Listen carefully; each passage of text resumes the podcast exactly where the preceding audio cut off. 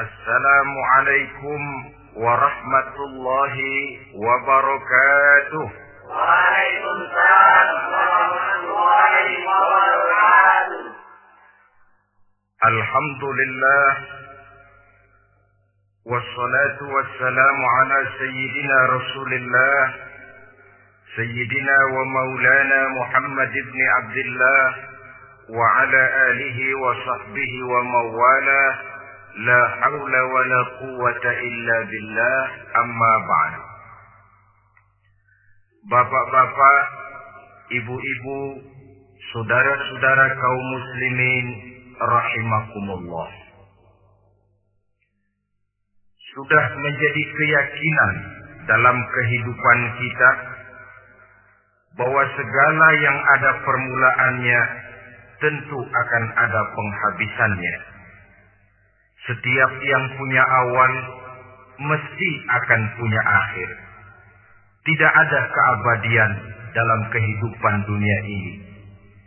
Semuanya datang dan pergi silih berganti, berubah oleh pergeseran masa dan pertukaran waktu. Demikianlah kalau kita mau merenungi kehidupan dari alam di sekitar kita. Sejak dari kehidupan tumbuh-tumbuhan, binatang, sampai kepada kehidupan kita, makhluk bernama manusia. Lihatlah kita manusia misalnya. Dimulai sejak kita terlahir ke alam ini, keluar dari alam rahim ibu. Menjadi bayi yang merah tidak berdaya, untuk kemudian berangsur meningkat menjadi anak-anak. Dari kehidupan anak-anak berubah lagi kita menjadi remaja dengan segala keceriaan dan kelincahannya. Dan dari masa remaja naik lagi kita memasuki usia dewasa. Untuk kemudian berangsur memasuki hari tua lalu setelah kita memasuki hari tua sehari seminggu, sebulan, setahun, sampailah kita kepada batas waktu yang telah ditentukan oleh Allah yang dinamakan ajal dan bertemulah kita dengan yang disebut maut. Ini merupakan kepastian dalam kehidupan. Kalau saja kita mau merenung perubahan-perubahan yang terjadi pada diri kita seharusnya membuat kita insaf dan sadar. Di kala remaja kita begitu lincah, punya rambut yang hitam ikal berderai, punya lesung di pipi, punya senyum yang indah menawan setiap orang yang melihat, punya kulit yang kencang dan bersih, Manakala kita memasuki hari tua, perubahan frontal pun terjadi. Kulit mulai jadi keriput. Rambut yang tadinya hitam ikal berderai mulai memutih. Nikmat berkurang. Gigi yang tadinya utuh dan sanggup mengunyah apa saja. Satu demi satu permisi meninggalkan kita. Sangat boleh jadi dikala remaja kita senyum semua orang terpikat. Dikala hari tua dengan kulit yang keriput dan gigi yang tidak ada lagi, manakala kita senyum mungkin orang bakal lari dari sekitar kita. Ke mana keindahan yang tadinya begitu menawan? Ke mana senyum lesung pipit yang tadinya menarik perhatian orang? Pergi meninggalkan kita berubah oleh pergeseran masa dan pertukaran waktu. Nah, bila maut datang menjemput kita, selesailah kehidupan sampai di situ. Ternyata belum. Kalau lahir merupakan perpindahan hidup dari alam rahim ke alam dunia, maka mati hakikatnya merupakan perpindahan hidup dari alam dunia ini ke alam kehidupan yang berikutnya yang dinamakan dengan alam barzah. Andai kata hidup cuma sekali, secara moral kita sanggup berkata, alangkah tidak adilnya Tuhan. Kenapa? Dalam kehidupan ini kan aneka ragam terjadi. Ada orang yang zoli, ada orang yang dizolimi. Ada orang yang membunuh, ada orang yang terbunuh. Ada orang yang kaya, ada orang yang miskin. Ada orang yang jujur, ada orang yang menghalalkan segala cara. Sehingga banyak ketidakadilan yang terlepas daripada pengadilan dunia. Lalu orang pun bilang di dunia ini katanya banyak pengadilan tapi sulit keadilan. Di dunia ini mudah mencari pengadilan tapi sulit untuk mencari ketidakadilan. Andai kata hidup cuma sekali, tidak akan ada hidup sesudah hidup yang sekarang ini. Bagaimanakah nasib mereka yang lepas dari pengadilan dunia ini? Alangkah tidak adilnya Allah andai kata tidak ada kehidupan sesudah hidup yang sekarang. Tentulah akan terjadi di mana orang menghalalkan segala macam cara untuk mencapai tujuan. Yang penting kan saya kaya, yang penting kan saya punya jabatan dan kedudukan tinggi. Kalau perlu jilat atas, jilat atas. Kalau perlu sikut kiri kanan, sikut kiri kanan. Kalau perlu injak bawah, injak yang bawah. Ini prinsip daripada orang-orang komunis. Dan pantas karena mereka tidak percaya kepada kiamat. Pantas karena mereka tidak percaya akan adanya kehidupan sesudah hidup yang sekarang ini. Maka saya menghimbau kepada seluruhnya. Kita sudah kadang menyepakati negara ini berdasarkan Pancasila. Kita sudah kadang konsensus bahwa PKI dengan seluruh ajarannya tidak punya hak hidup di bumi Pancasila yang kita cintai ini. Maka salah satu ajaran PKI tujuan menghalalkan cara kita orang Indonesia yang berbudi pekerti luhur, yang punya nilai budaya tinggi, janganlah sampai mencaci PKI, membubarkan PKI, mengutuhkan PKI, tapi dalam kehidupan sehari-hari prakteknya prinsip komunis kita pakai. Apa itu? Tujuan menghalalkan cara. Asal sudah tujuan tercapai, cara apa pun saja halal. Itu pandangan hidup orang yang tidak percaya kepada adanya hari akhirat. Sebagai muslim yang yakin akhirat ada, kiamat pasti akan datang. Hidup tidak cuma sekali. Maka kalau kita zalim, kalau kita berbuat aniaya, kalau kita melakukan korupsi, kalau kita merugikan orang lain, boleh jadi kita terlepas daripada pengadilan dunia. Tapi ingatlah, kita tidak akan pernah lepas dari pengadilan Allah. Pengadilan Qadhi Rabbul Jalil. Di mana kita akan diadili dengan seadil-adilnya. Dan tidak satu perbuatan yang bersifat salah. Yang bagaimanapun kecilnya. Yang akan lepas dari pengadilan di akhirat itu nanti. Pantas saja. Kalau satu hari malaikat Jibril datang menasehati Rasulullah Sallallahu Alaihi Wasallam. Yang artinya juga menasehati kita semua. Apa kata malaikat Jibril kepada baginda Nabi? Ya Muhammad, Ish masyi'ta wa innaka mayyitun. Hai Muhammad, hiduplah semau kamu, tapi jangan lupa kamu pasti akan mati. Kalau memang dilarang tidak terlarang, dicegah tidak tercegah, kamu mau menurut kamu mau melaksanakan hidup menurut maumu sendiri, persilahkan hiduplah menurut mau dan gayamu. Tapi jangan lupa, fa innaka mayyitun satu saat kau pasti bakal mati. Dan mati itu bukan akhir dari segalanya. Dia babak baru bagi kehidupan selanjutnya. Silakan hidup menurut maumu, tapi jangan lupa kau pasti akan mati. Wa'man ma syi'ta fa innaka majziyun bih. Kerjakan apa saja yang kamu mau. Kalau kau mau menghalalkan segala macam cara, persilahkan halalkan segala macam cara. Tapi jangan lupa kau akan mendapat balasan dari seluruh amal perbuatanmu. Wa ahbib ma syi'ta fa innaka mufariquhu. Dan cintailah apa saja yang mau kau cintai. Kau cintai anak istrimu silahkan. Kau cintai harta bendamu tafadhal.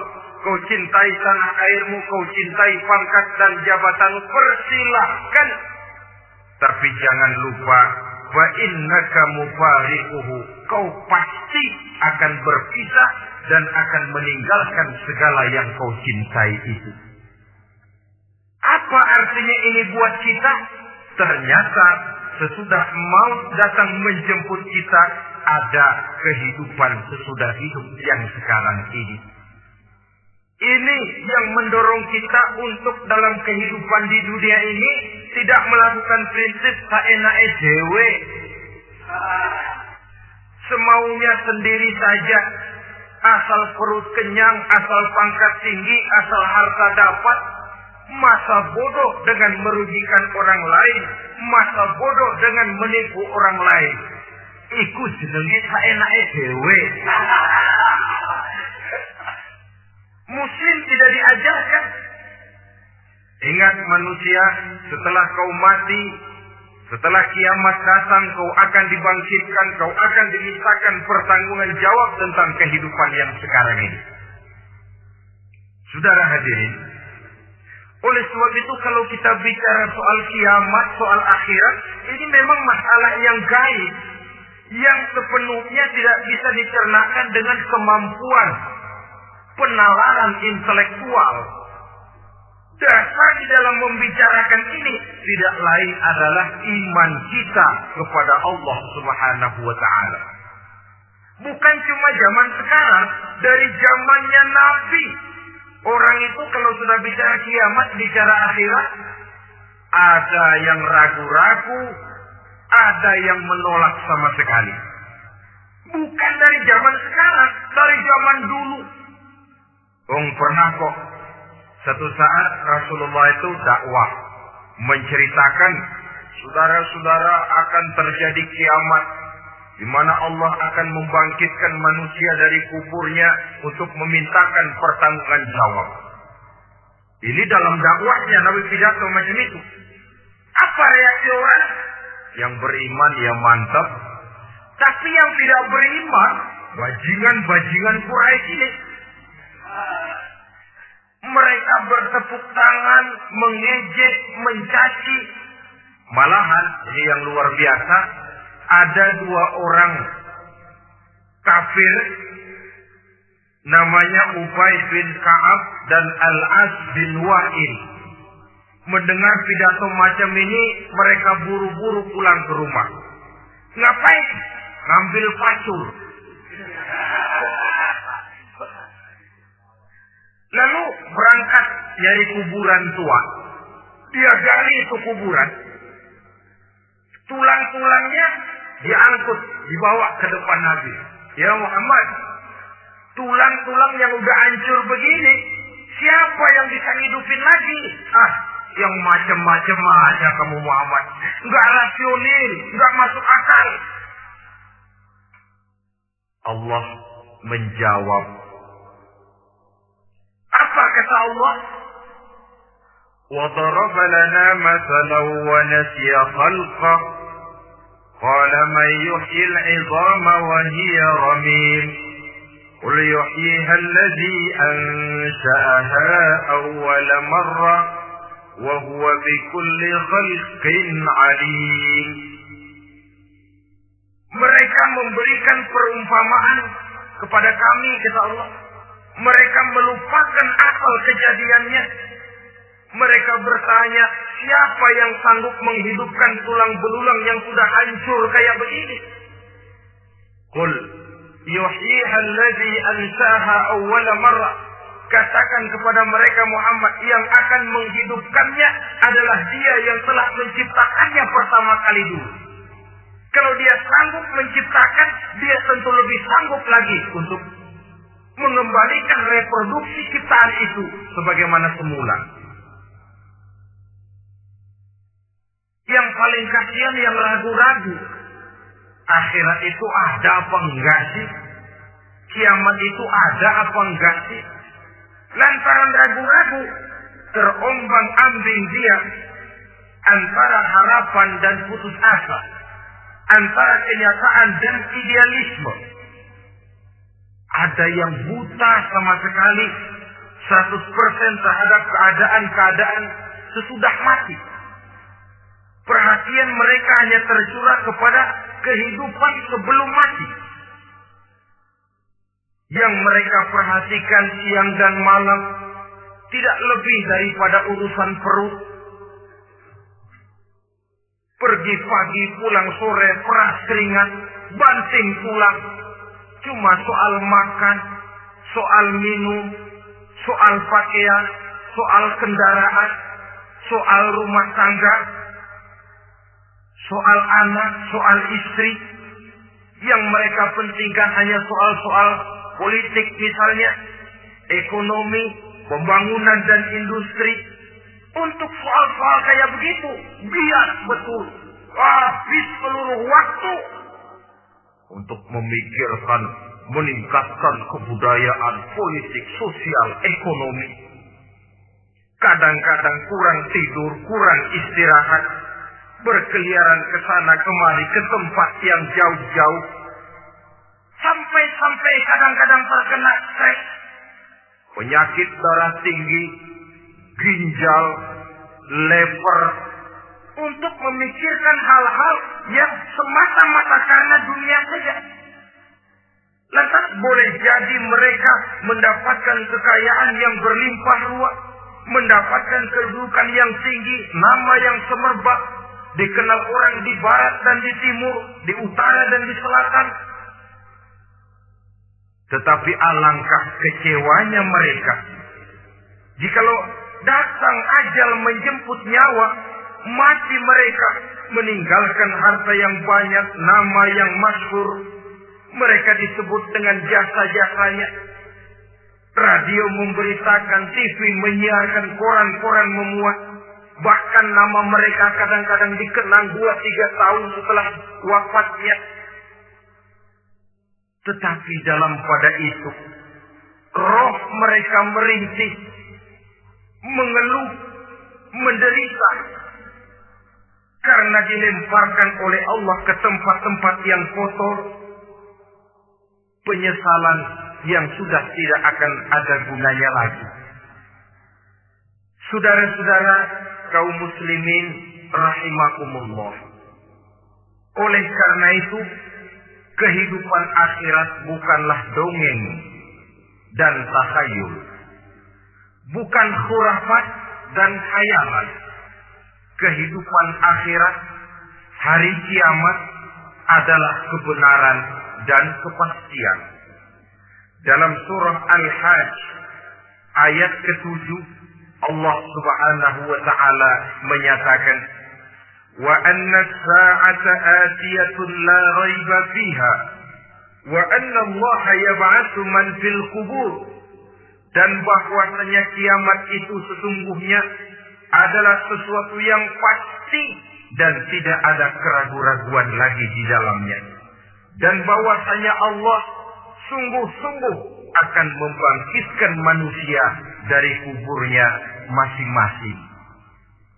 Nah, kalau kita sudah yakin kiamat sesuatu yang pasti adanya, akhirat sesuatu yang pasti adanya, dari mana pembicaraan tentang kiamat ini kita mulai?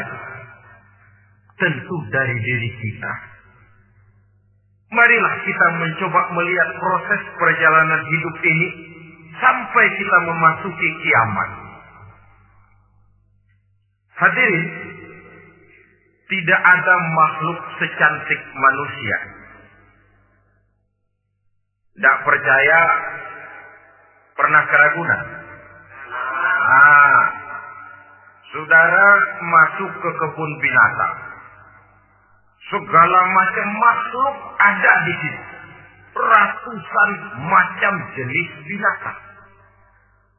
Bandingkan dengan saudara, kira-kira cakep mana?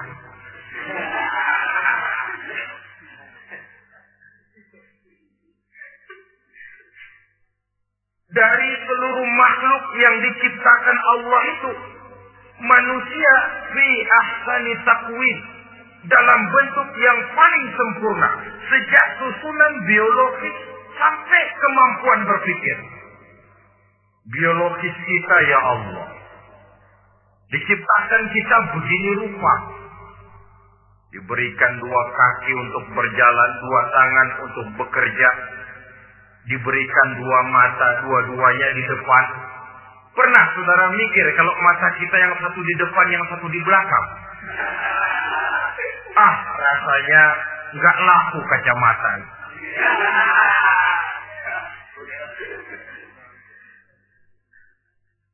Diberikan hidung dengan dua lubang.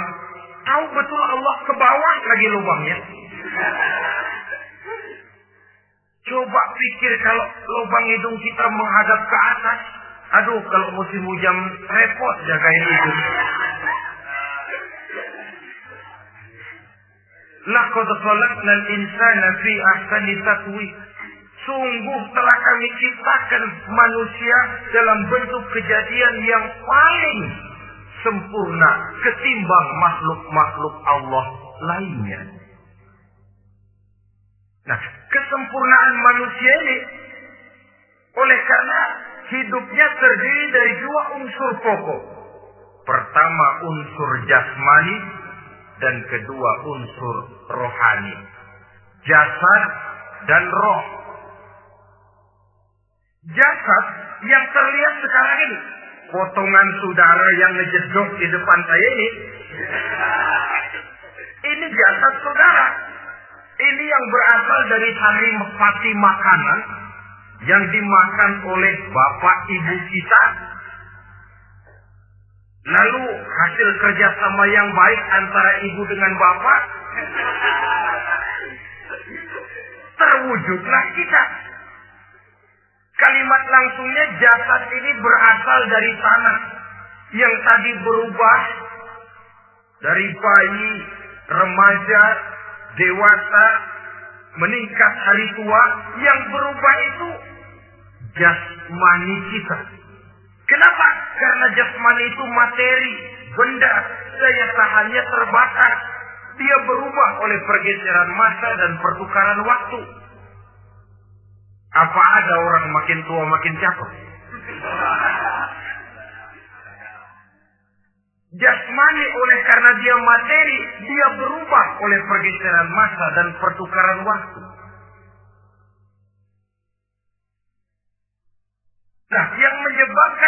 Jasmani itu bergerak karena ada roh di dalamnya. Ini yang menyebabkan kehidupan. Ini yang menjadi sumber kehidupan, pusat kesadaran dan pengertian dalam kehidupan manusia. Tanpa roh dalam diri kita, maka jasad kita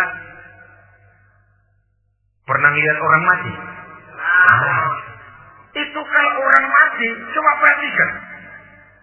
Apanya yang kurang? Kupingnya masih ada, tapi sudah tidak sanggup mendengar. Matanya masih lengkap, tapi tidak mampu melihat. Jangankan melihat, terbuka saja tidak. Mulutnya masih ada, tapi sudah tidak bicara lagi. Telinganya cukup, tapi sudah tidak sanggup mendengar. Kakinya lengkap, tapi tidak mampu lagi berjalan. Apa penyebabnya itu?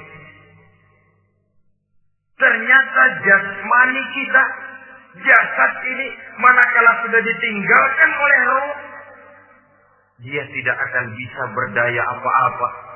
Tidak, tidak mampu berjalan, tidak pula berbuat, tidak pula bekerja apa pun saja. Saudara-saudara, dua-duanya punya kebutuhan. Jasmani ada kebutuhannya, rohani pun ada kebutuhannya. Jasmani yang jelas perlu makan, perlu minum, perlu tidur, perlu pakaian, dan sebagainya. Nah, apabila saat berpisah datang, ajal sampai, berpisahlah roh dan jasad. Dan itulah yang dinamakan dengan maut. Mati itu? Mati adalah berpisahnya roh dengan jasad. Sebab itu Islam sangat menganjurkan kita untuk banyak-banyak mengingat mati. Bagaimana caranya mengingat mati? Pertama, mati itu kan pasti. Kira-kira yang hadir di sini ada yang nggak mati nggak kira-kira? Semuanya bakal mati kan? Berani? Sekarang mau? Saudara, sebenarnya kalau kita merenung lebih jauh, orang itu tidak perlu takut mati. Walaupun tidak boleh terlalu berani menghadapi mati. Karena bagaimanapun takutnya kita kepada mati, toh dia pasti datang. Bagaimanapun beraninya kita mati, kalau belum aja, dia tidak mati juga. Jadi muslim itu kan harus berani menghadapi hidup dan tidak takut menghadapi mati. Mati adalah sesuatu yang pasti. Muslim dianjurkan banyak-banyak mengingat mati dalam kehidupan. Caranya bagaimana? Pertama, berziarah nengokin teman yang sakit. Ya? Suka nengokin teman yang sakit enggak? Oh, itu pahalanya kata Nabi. Menengok orang yang sedang sakit lebih afdol daripada sholat sunnah seribu rakaat. Apa pernah saudara sembahyang sunnah sampai seribu rakaat? Nengokin orang sakit pahalanya lebih afdol daripada itu. Kenapa menengoki orang sakit mengingatkan kita kepada mati? Iya ya, ini teman saya yang kemarin segar banget, bercanda sama saya, ketawa sama-sama. Sekarang terbaring, tidak berdaya. Hilang kemampuannya, hilang keceriaannya, sakit. Iya kalau sembuh, kalau aja, iya sekarang giliran dia. Kalau jatuh ke saya, Lalu menghibur teman dengan kata-kata yang enak yang akan mendatangkan sugesti supaya dia cepat sembuh. Jangan nengokin orang sakit jujur. Sakit apa lu? Perut. Emang teman gua kemarin sakit begini mati. Wah, itu orang bisa jadi shock lantaran etika kita tidak akan sampai ke sana. Menjenguk orang sakit akan mengingatkan kita kepada mati. Apalagi ziarah kubur. Ada yang orang tuanya sudah meninggal? Nah, kalau ada, ya tidak bisa tiap hari sekurang-kurangnya seminggu sekali. Jumat pagi misalnya, ziarah kita ke kubur. Sehingga kalau kita masuk kubur kan ada etikanya. Assalamualaikum ya ahlal kubur wa inna insyaallahu bikum lahikun. Hai penduduk kubur, keselamatan bagi kamu dan kami yang masih hidup sekarang ini insya Allah pasti bakal nyusul kamu. Iya, yang kemarin gagah benar sekarang terbaring tanpa daya. Ini unggukan kuburannya. Yang kemarin ada sekarang sudah tidak ada. Ke mana dia? Kami satu saat pasti akan begini. Ingat mati. Lalu apalagi yang bisa membuat kita ingat kepada mati? Mengawal jenazah. Bukankah sangat dianjurkan oleh agama? Bahkan kalau bisa sejak mengurusnya, memandikannya, mengkafankannya, menyolatkannya untuk kemudian mengantarnya ke kubur. Hmm. Hari ini saya antar dia ke kubur, besok boleh jadi saya yang diantar orang. Hari ini saya solatkan dia, besok boleh jadi saya yang disolatkan orang. Hari ini saya masukkan dia ke liang lahat, besok mungkin giliran saya dimasukkan orang ke liang lahat. Ingat mati, tumbuh kesadaran. Lalu daya positifnya dalam kehidupan apa? Nah, saudara-saudara hadirin, orang yang mengingat mati bukan lantas menjadi lemah dalam kehidupan, menjadi putus asa, sedikit semangat, terbentur kesulitan, mudah frustasi. Bukan itu tujuannya kita diperintah mengingat mati. Jelasnya, Islam menganjurkan kita untuk mengingat mati guna maksud-maksud yang positif. Supaya orang lalu sadar, hidup ini cuma sebentar. Maka mumpung hidup, nah ini mumpung tapi mumpung yang baik, mumpung hidup, maka hidup yang singkat ini harus saya pergunakan dengan sebaik-baiknya. Melakukan kebajikan yang sebanyak-banyaknya. Menjauhkan rasa malas. Menunggu keajaiban yang datang dari langit. Berleha-leha, bermain-main. Sementara maut kalau dia datang tidak pernah main-main. Pantas kalau seorang penyair bernama Syauqi memesankan tazawwad bitaqwa fa innaka la tadri idza anna al-lailu hal ta'ishu ila al-fajr kam min sahihin mata min ghairi illatin wa kam min alilin 'asha hinan min ad-dahr Persiapkan dirimu dengan takwa sebab kamu tidak tahu apabila malam datang, kamu masih bisa hidup apa enggak besok pagi? Apa ada jaminan saudara yang kumpul di depan saya malam ini besok masih bisa hidup? Tidak. Ada jaminan? Tidak ada sama sekali.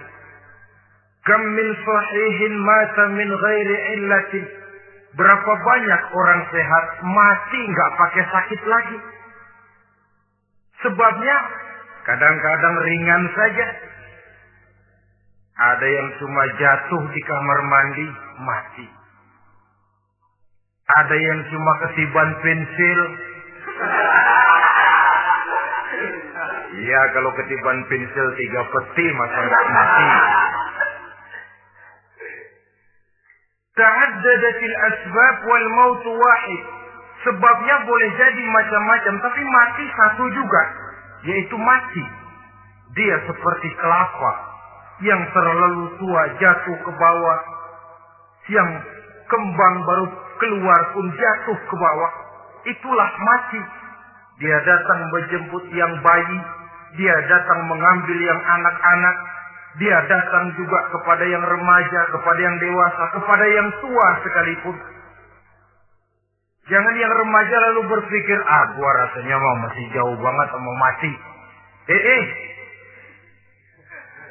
Ini sesuatu yang pasti yang kita tidak pernah diberitahu kapannya. Kalau dikasih tahu kapannya kan kita bisa umpama malaikat maut datang ke rumah saya, saudara Zainuddin kau mati 80 tahun lagi. Wah, saya kan berhitung, ah masih lama, poya-poya aja dulu ah. Tapi ini tidak pernah diberitahu kepada kita. Lantaran tidak diberitahu itulah kita perlu bersiap-siap dengan selalu mengingat-ingat mati yang mendorong kita untuk berbuat positif. Satu contoh peringatan mati yang mendatangkan positif pada peristiwa ketika turun perintah hijrah.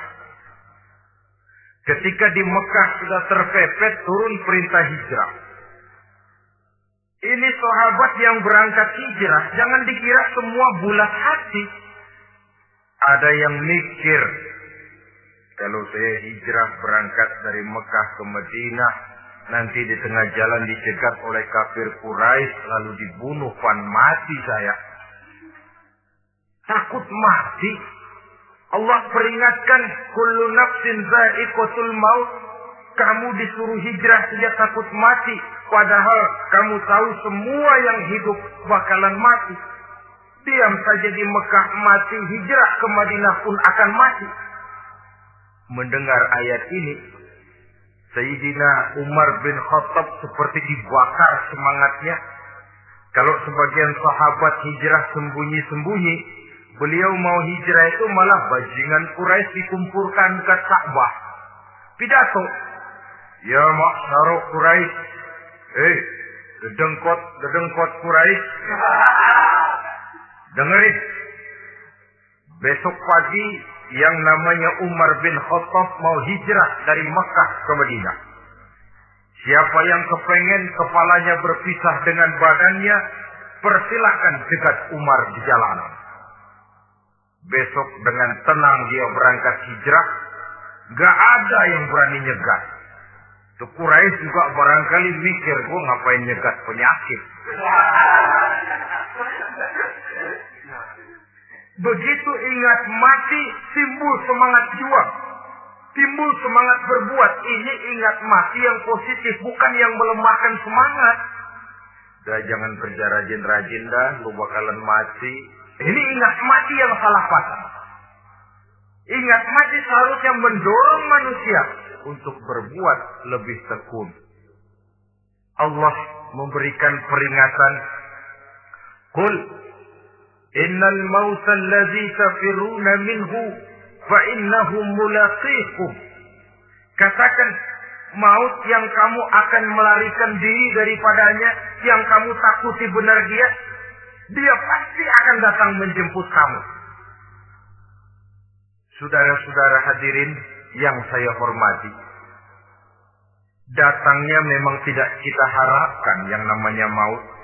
Tapi sekali dia datang, tidak ada pintu tempat kita lari. Dia memang tidak pernah kita undang. Tapi sekali dia datang, mengetok pintu, kekuatan apa yang bisa menolak? Dia sebuah tanda seru dalam kehidupan.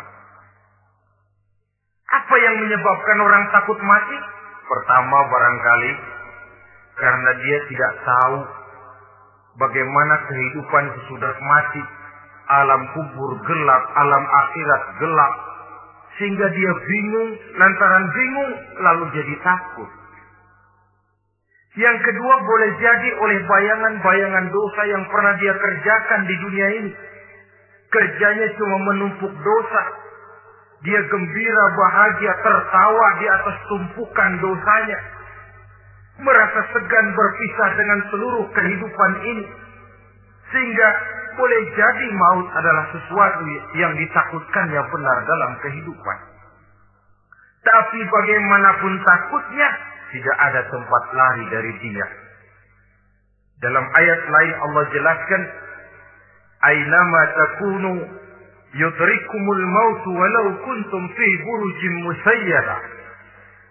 Di mana saja kamu berada, dalam benteng yang paling tangguh sekalipun, maut pasti akan datang menjemput kamu.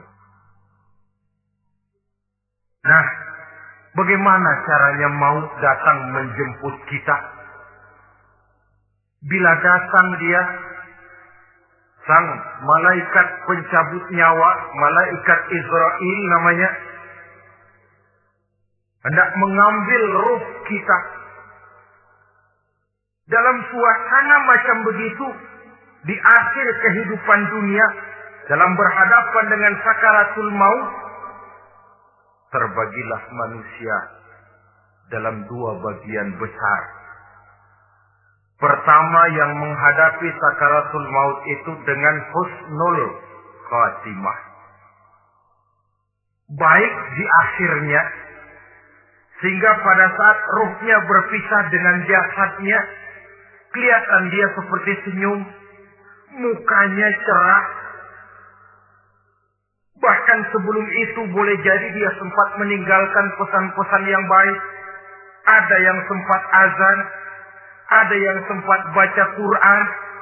Pernah kan nemui orang yang mau mati seperti itu? Yang sempat azan, yang sempat baca Quran, yang sempat meninggalkan wasiat-wasiat yang baik.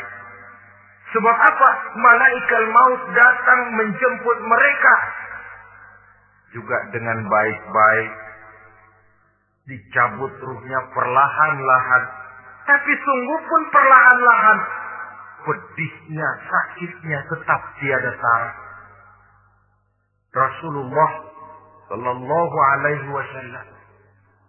Dikala beliau hendak berhadapan dengan sakaratul maut, diceritakan mencelupkan tangannya ke dalam gelas berisi air lalu mengusapkannya ke muka beliau seraya berdoa ya Allah mudahkan saya dalam menghadapi sekarat ini.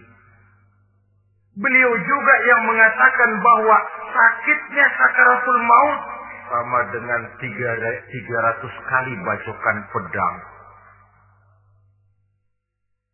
Sehingga kita diajarkan doa di antara doa selamat itu kan ada Allahumma hawwin alaina fi sakaratil.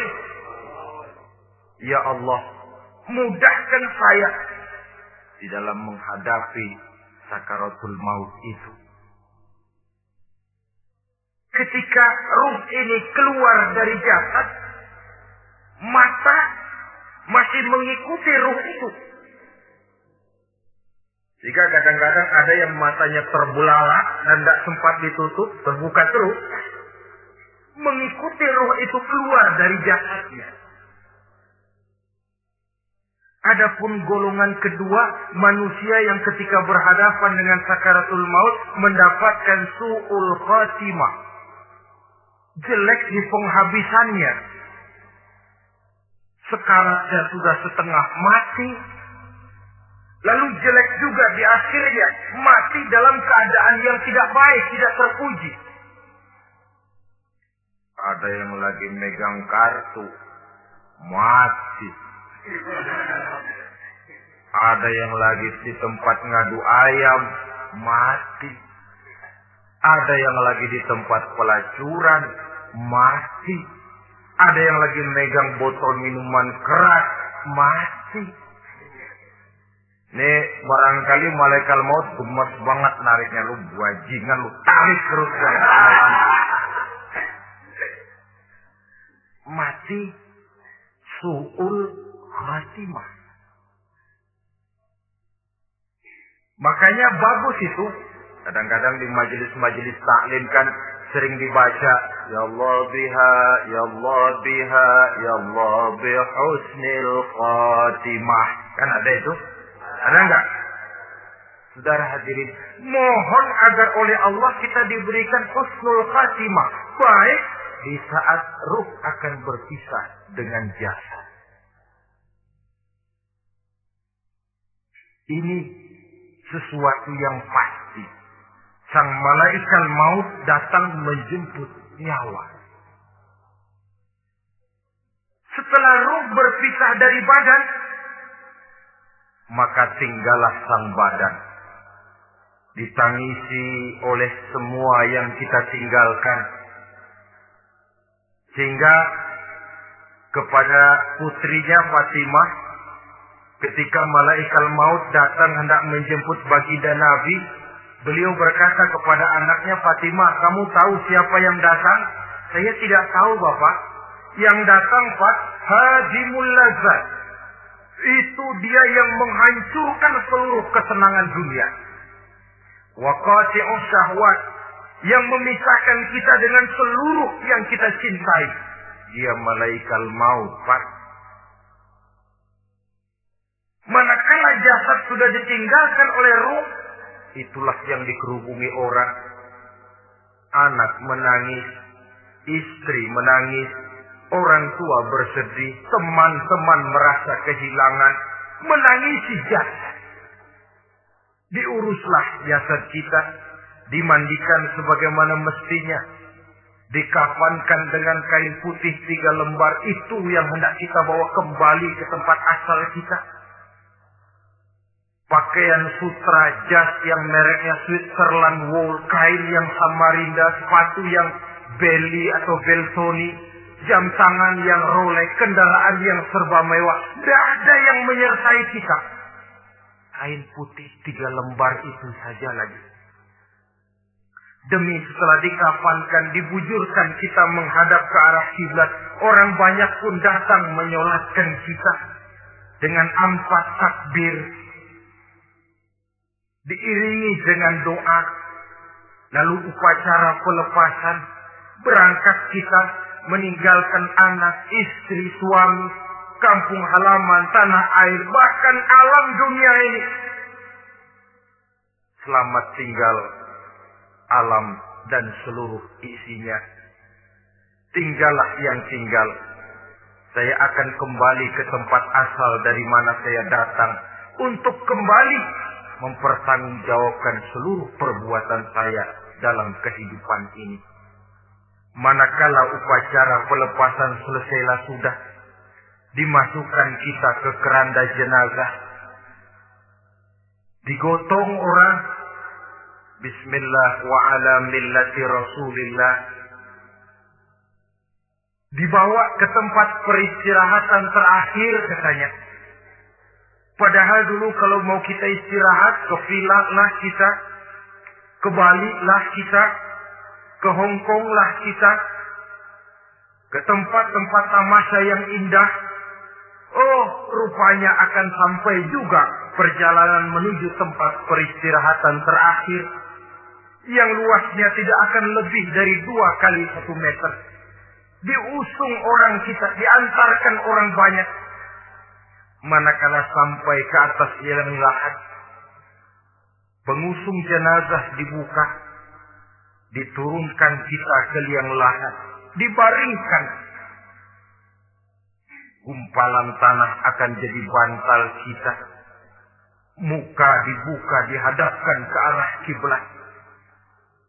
Setelah itu ditutup tiang lahat, lahat kita, liang lahat kita dengan kayu. Masih belum kurang diuruh dengan tanah. Yang menguruk orang-orang yang tadinya mencintai kita, menyayangi kita. Tapi ketika jasad sudah ditinggalkan ruh, habis rupanya cintanya. Coba jasad kalau sudah ditinggalkan ruh, tiga hari aja di rumah serem. Ya mayit siapa yang betah nemenin mayit.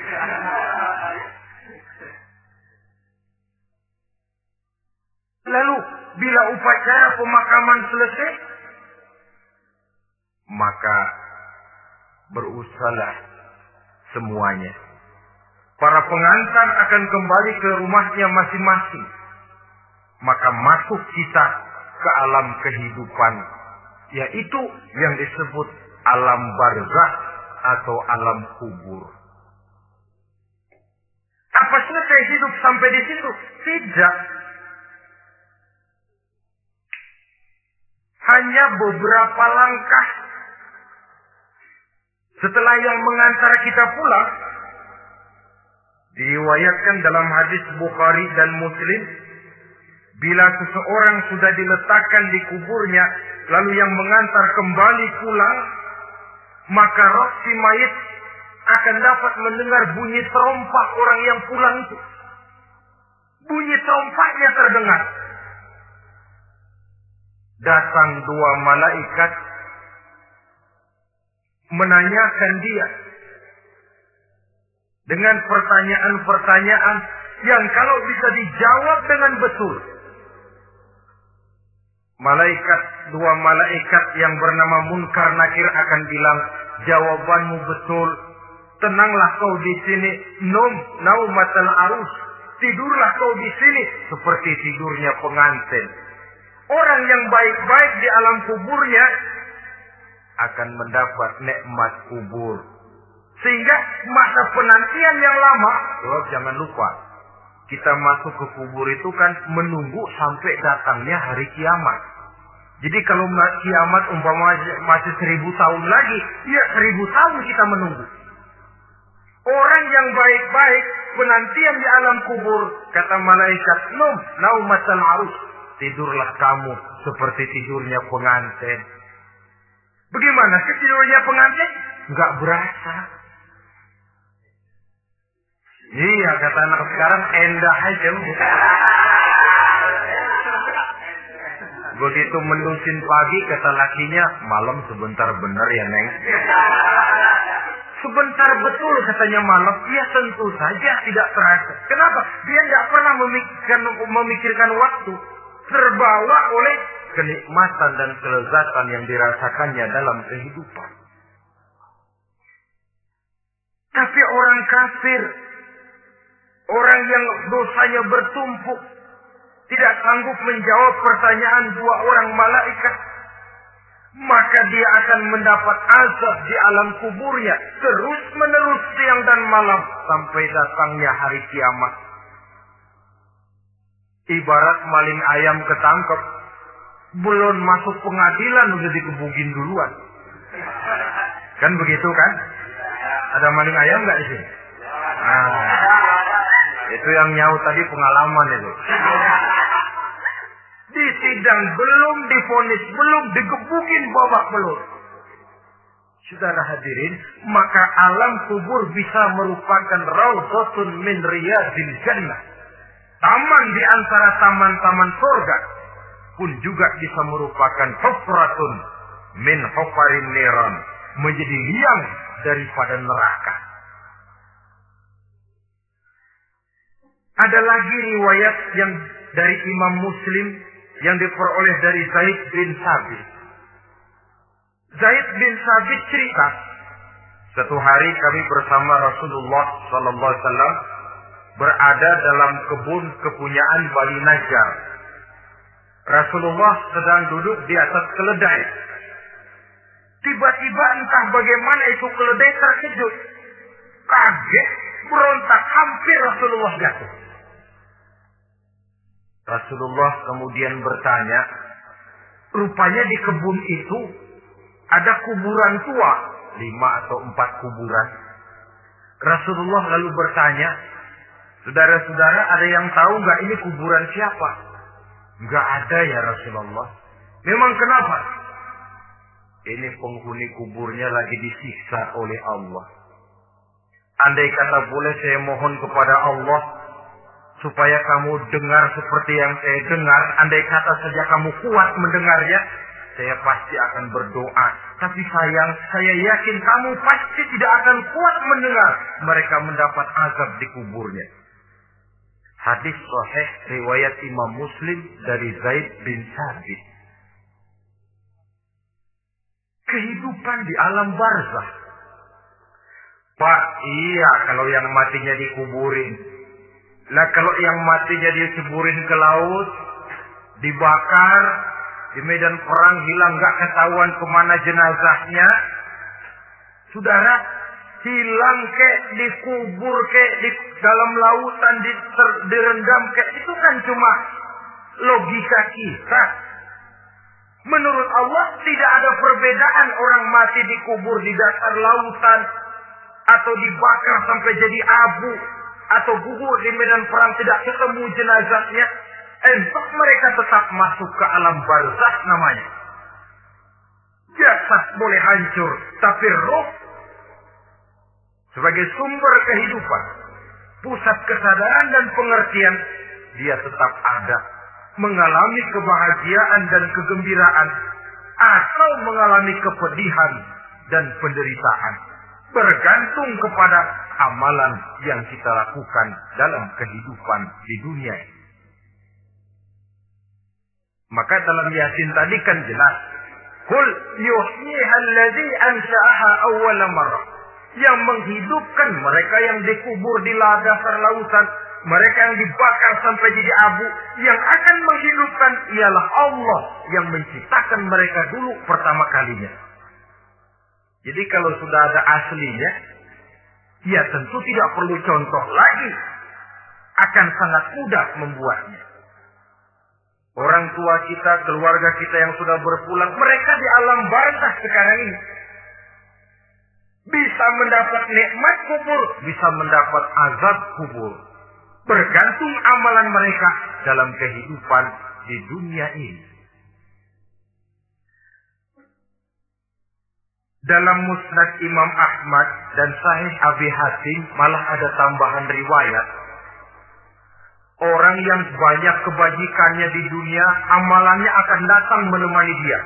Sholatnya dekat kepalanya, puasa sebelah kanan, zakat sebelah kiri. Menghibur dia. Malahan dikatakan berbentuk orang yang cantik menemani dia di alam kuburnya. Aneh dia tanya, Man anta lam arafid dunia ajmal minka. Siapa kamu? Di dunia ini belum pernah saya melihat orang secantik kamu. Dia jawab, Ana amaluka soleh. Saya adalah amalmu yang soleh yang kau kerjakan waktu di dunia. Saya sekarang diperintahkan untuk menemani kamu di sini. Alhamdulillah. Sedangkan amalnya yang jahat akan datang dalam bentuk yang menyeramkan menemani dia di sana. Bayangin deh, di kuburan ditemenin yang serem-serem.